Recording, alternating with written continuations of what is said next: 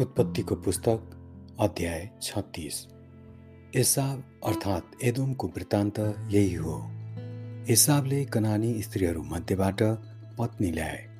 अर्थात् हित्ती एलोनकी छोरी आधा र हिब्बी सिबोनकी नातिनी र अनाकी छोरी अहोबे लिबा तथा इस्माइलकी छोरी नबायोतकी बहिनी बासमत एसाबबाट आधाले एलिपजलाई जन्माइन् र बासमतले रुयललाई जन्माइन् अनि अहोली बामाले एहुस यालाम र कुहरलाई जन्माइन्।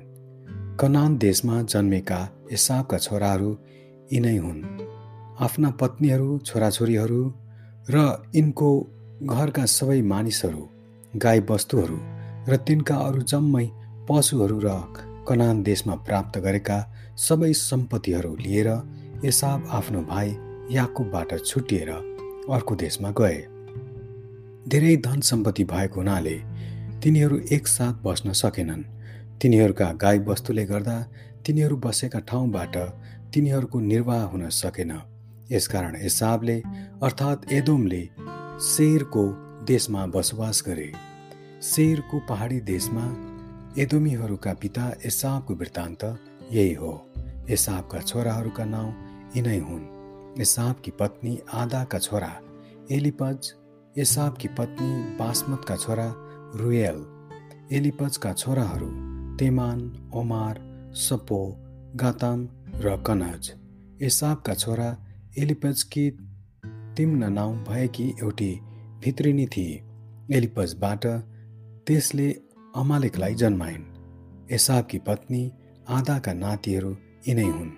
रुयलका छोराहरू नहद जेरह सम्मा र मिर्जा एसाबकी पत्नी बासमतका नातिहरू यिनै हुन्।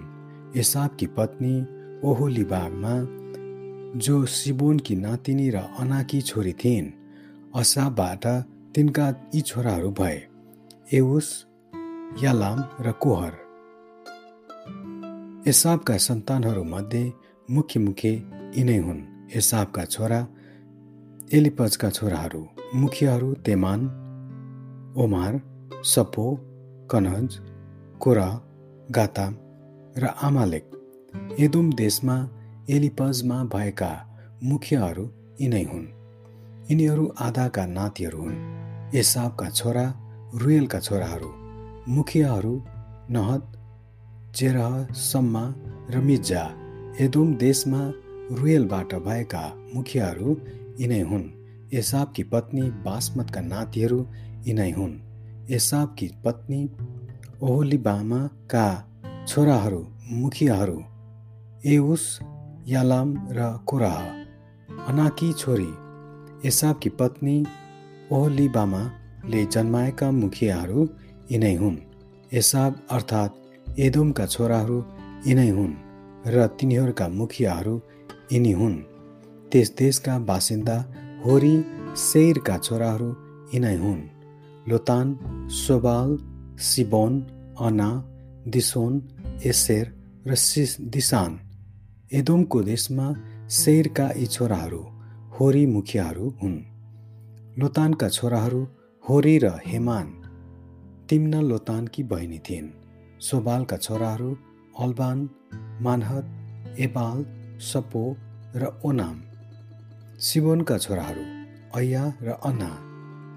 तिनका बुबा सिबोनका गदाहरू चढाउँदा मरुभूमिमा तातो पानीको मूल भेट्टाउने यी नै अना हुन्। अनाका छोराछोरीहरू दिसोन र अनाकी छोरी ओहोलिबामा। दिसोनका छोराहरू हेमदान एसबान इत्रान र कनान। एसेरका छोराहरू बिलहान जाबान र अकान। दिसानका छोराहरू उज र आरान। होरीका मुखियाहरू यिनै हुन्। लोतान सोबाल सिबोन अना दिसोन एसेर र दिसान। शेर देशमा तिनीहरूका खलक अनुसार होरी मुखियाहरू यिनै हुन्। इजरायलका कुनै राजाले राज्य गर्नुभन्दा अघि एदोम देशमा राज्य गर्ने राजाहरू यिनै हुन्। बवरका छोरा बेलाले एदोममा शासन गर्थे। उनको राजधानीको नाउँ देनहावा थियो। बेलाको मृत्युपछि बोजरामा बस्ने जेरहका छोरा योबाबले उनको सट्टामा राज्य गरे।